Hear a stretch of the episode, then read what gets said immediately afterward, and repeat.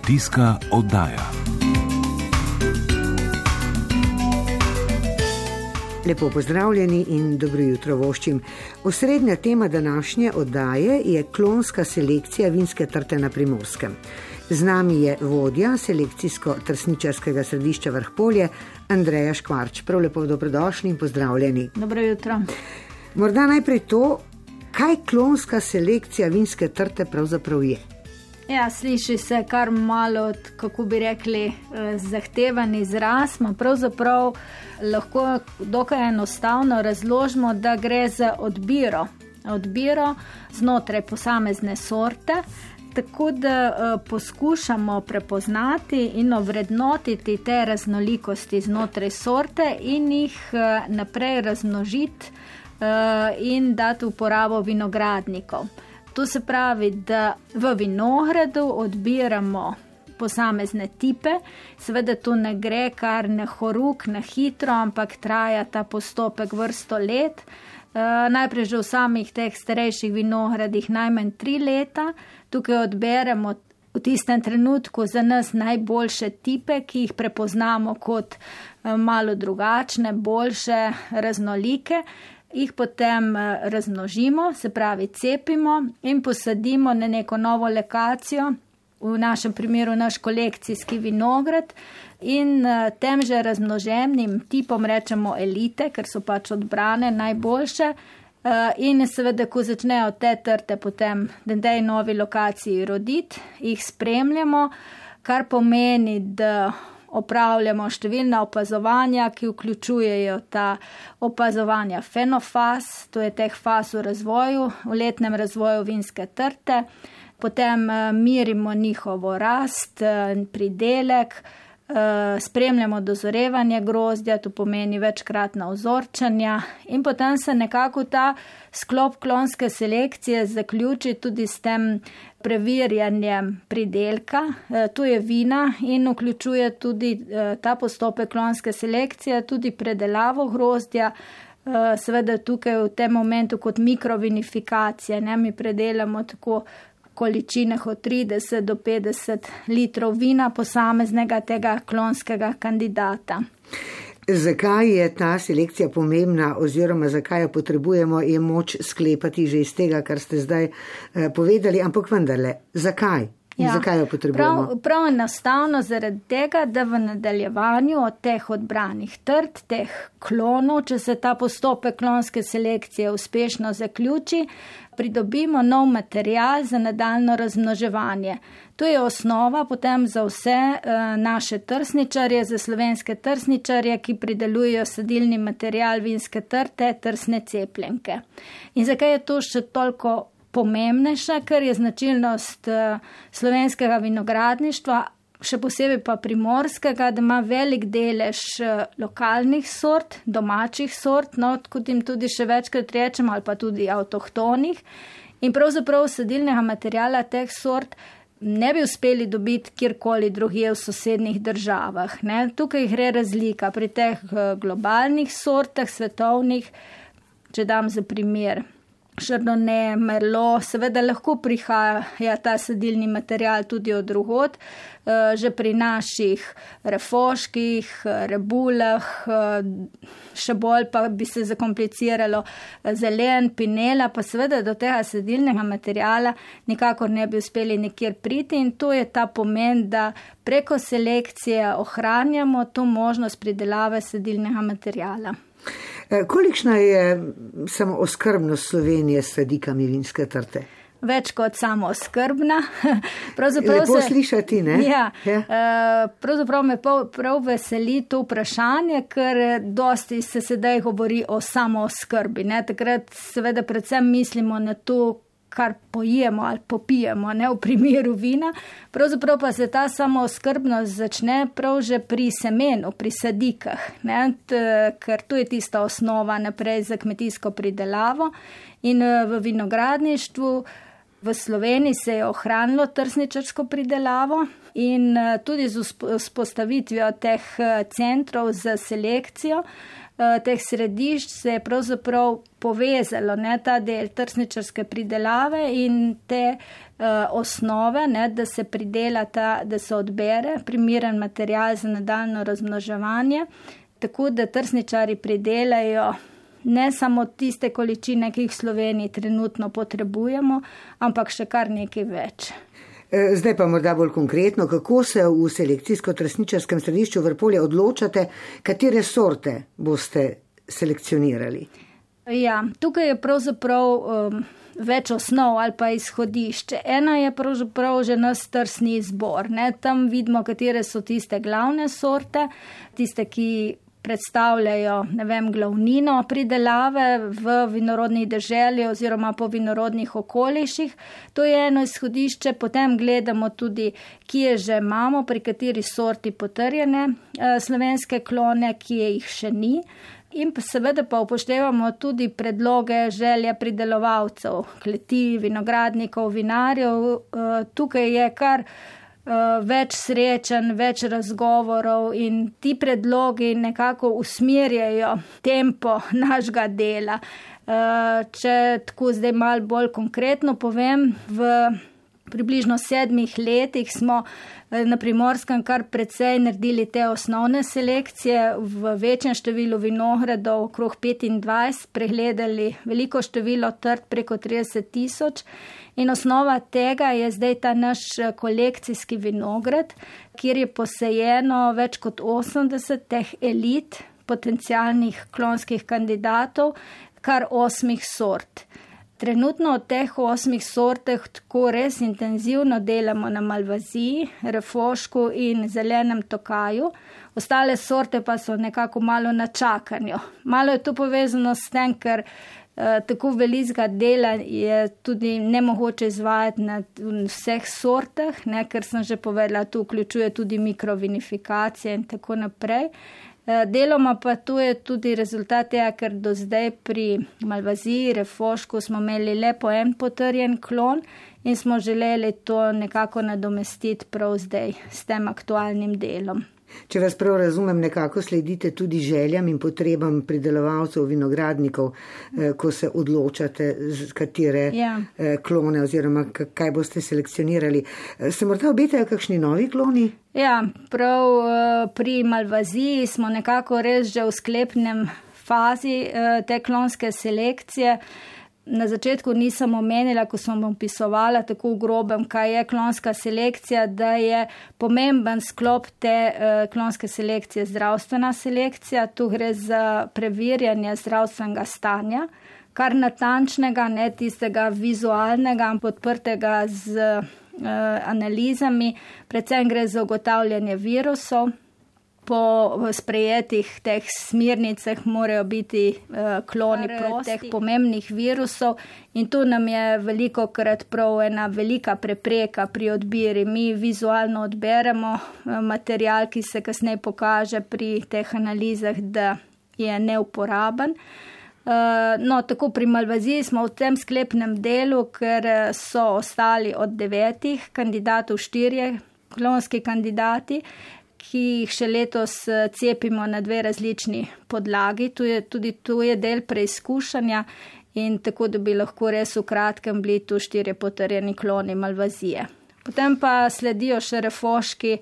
Tukaj nismo še tako daleč, ne, eh, moramo še enkrat preverjati zdravstveno stanje in pa tokaj, no, zeleni savignon. Skratka, to je postopek, ki je razmeroma eh, zahteven dolgotrajen, ki zahteva tudi veliko znanja, veliko dela, veliko opažanj. Kako pa se to selekcioniranje odraža v pridelavi na primorskem? Ja, če tako pogledamo, zdaj za nazaj, ne, ko smo odbrali tiste uh, prve slovenske klone, ne, lahko rečem, da so se uh, prav uh, kloni rebule, ki jih je bilo tudi pet, zelo dobro prejeli v pridelavi, da vinogradniki poprašujejo po tem materialu, da pravzaprav ne bom rekla, da se v celoti vsa rebula zdaj sedi iz tega materijala, ampak res večinoma pri ostalih sortah um, mogoče, kjer ni bil narejen tak širši izbor klonov, ki je bil potrjen le po en klon, ni tako dobra ta pokritost, ampak so vsi ti kloni res eh, prisotni, eh, kar najprej pomeni že to, da so bili zasajeni matični vinogradi, kjer se reže naprej cepiče, eh, da se je to zgodilo prav pri vseh klonih, razen pri barberi. Barbera je mogoče neka taka sorta, ki je malo se potuhalna v zadnjih letih in že nekaj časa nagovarjam, vsaj tako nagovarjam, je mogoče pregroba beseda, da bi se tudi tukaj ta tak matični vinograd posadil, ker gre dejansko za en tak eh, dober klon. Vsi, ki so ga posadili, ga tako ta prepoznavajo. Andreja Škvarče, nekako skleneva, skratka, vaše delo je zelo pomembno za nadaljni razvoj vinogradništva, eh, predvsem pa zaveda za ohranjanje eh, sort, ki so, imajo nekako avtohton značaj. Ja. Eh, zagotovo, ne, naše delo je pomembno, ampak najpomembnejši pa so vinogradniki. In dokler bojo oni sadili vinograde, obnavljali vinogradnike, pol posledično bo tudi tukaj naše delo. Ne? Pravzaprav tu je tudi ena taka temna plat zdaj trenutno našega dela, ne? ker imamo zastavljeno delo, mrsike je obenem, pa se tudi zavedamo, da nekako v celoti vinogradniška pridelava se zmanjšuje, eh, da ni prav tako stanje, kot bi si želeli, da ni neke, ne vem, neka zagona, uh, ni to sam posledica letošnjega, lanskega leta, nekaj vemo, kakšno je, ampak tudi nasplošno.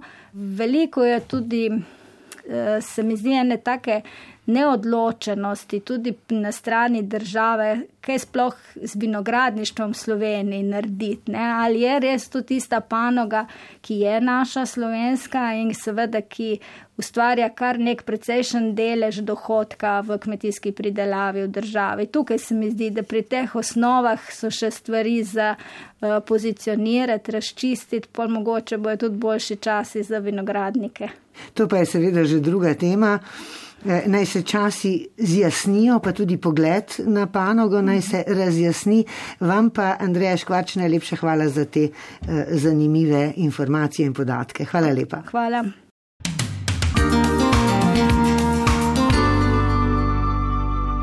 Od noč rad z doma jaz zbežim, en soj babi neč ne rečem, pred njo se šempijo te naredim na skrevš in v betulu utečem, pejtem popijem glašal dva, an kata treči prav me prime, se svetnu melčk za dondola, an zmislim tiste se vendime. Bil takrat jaz še juncem mlad, glavi neč, v hrli suša, sem imel življenje strašno rad. Kusak do čira ne poskuša, cel dan smo bili v vinu hradi, an sunce je ko zlodi peklo, se z vinem smo se frišali, po hrlu je kupotok teklo. Tam sem jo videl prvikrat, požirk se je uhrlil v stavu, jaz lahko umrl bi tisti krat, jaz lahko bi, ma kaj bi pravo, kaj se ti takar jač skodi. Ti glava rađonirat nijeha, an slijepe ratajoči, ni več bohanan kar rjeha me je spočela gledala, an se mi furba sto smejala. Pod noč pej meni je prišla, an če me trte sva zbežala, ma zapovedat, kaj bilo tam je, kunej človek besede najde, jaz vse zvijezde videl sem. Antriesle, triesle sose brajde.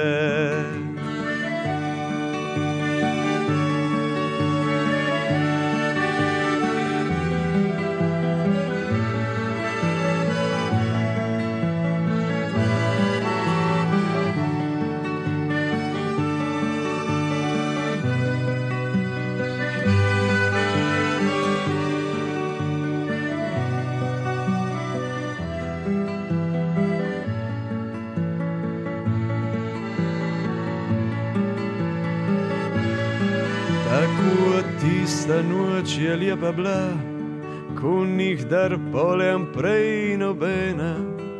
Ma, ko je prišla, tako je šla. Nankar in ne vem imena, je nisem videl njih dar več. E človek obrača, Bog obrne, mladost je šla od mene preč, kar caj tu zame več ne vrne.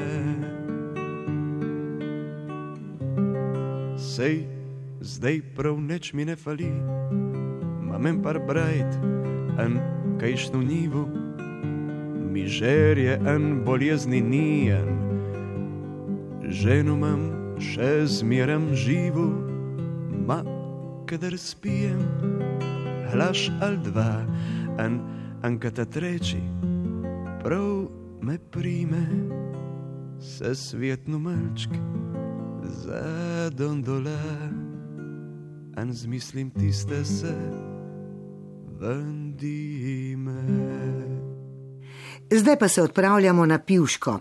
Mladi prevzemnik Timotej Kovač iz Palčja je pred šestimi leti začel oživljati domačo kmetijo, ki je zadnjima dvema generacijama služila zgolj za samooskrbo.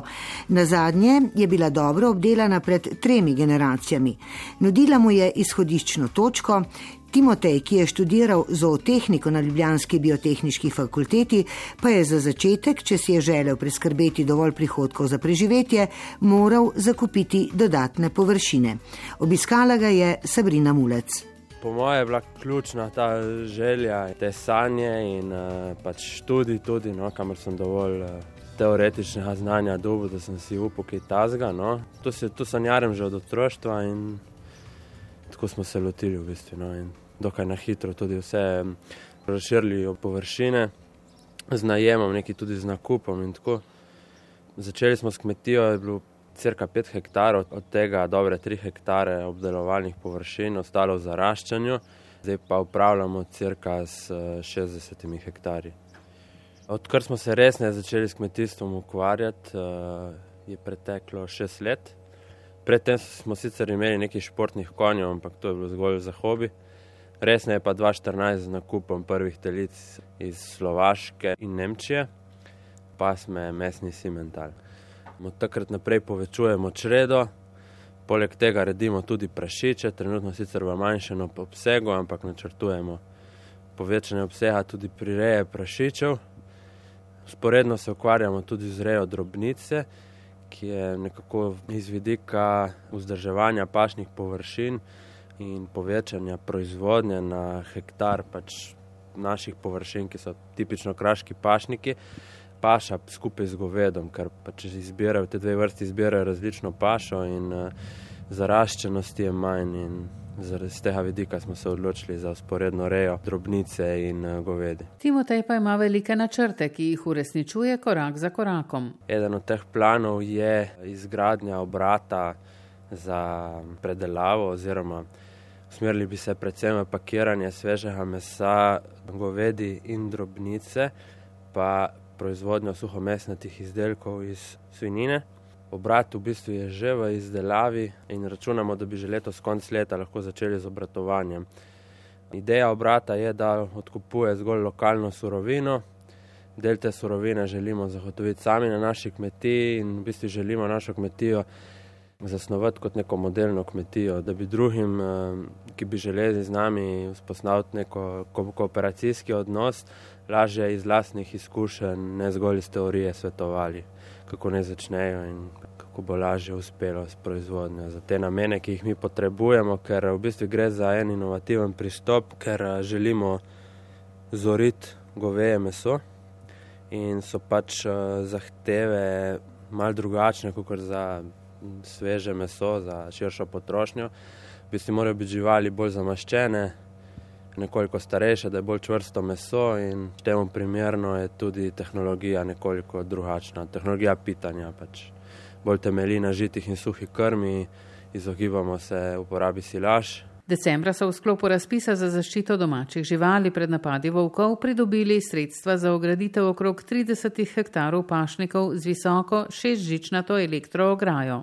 S tem upamo, da se bomo izognili ne samo napadom volkov, ampak tudi hudemu pritisku rastlino jede divjadi, predvsem jelenjadi na teh površinah, ki nam povzroča zelo veliko škodo, glede na to, da je v zadnjih letih populacija strmo narasla in uh, ocenjujemo, da se srečujemo s crka 50% pač izgube pridelka na zeleni masi na račun jelenjadi. V sklopu tega razpisa so pridobili tudi sredstva za ureditev nezahtevnih objektov na pašnikih.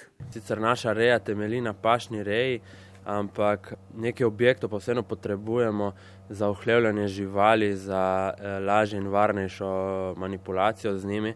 Predvsem je to pomembno v obdobju pred zakolom, ker eh, pač vemo, da so pašne živali, eh, ki so direkt iz pašnika odpeljane v klavnico, izpostavljene hudemu stresu, ker pač niso vajene rokovanja z ljudmi, niso vajene bližine ljudi.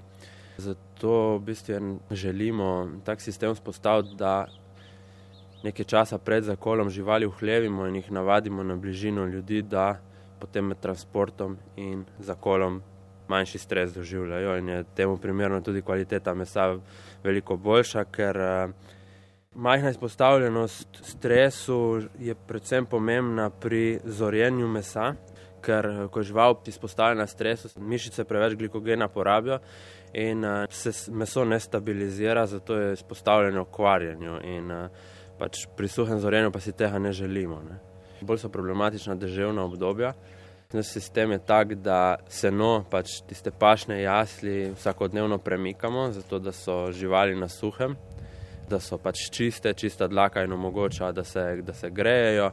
Krma mora biti stalno na razpolago, poraba krme je sigurno bistveno večja kot pri hlevski reji. Krave prezimujejo kar na prostem. Na dan našega obiska so bile na snegu. Ta, pravi Timotej, ni problem. Ampak, eh, pač, kot vidite, živalim nič ne manjka in ob primerni oskrbi ostanejo v super kondiciji tudi preko zime in lahko pač eh, v novo delitveno sezono vstopijo pripravljene, dobro rejene. Dragi sopotniki kmetijske oddaje, za danes zaključujemo. Želimo vam vse dobro, veliko zdravja in vabljeni v našo družbo čez teden dni. Ingrid Kašca Bucik in Igor Valentinčič. Pa srečno!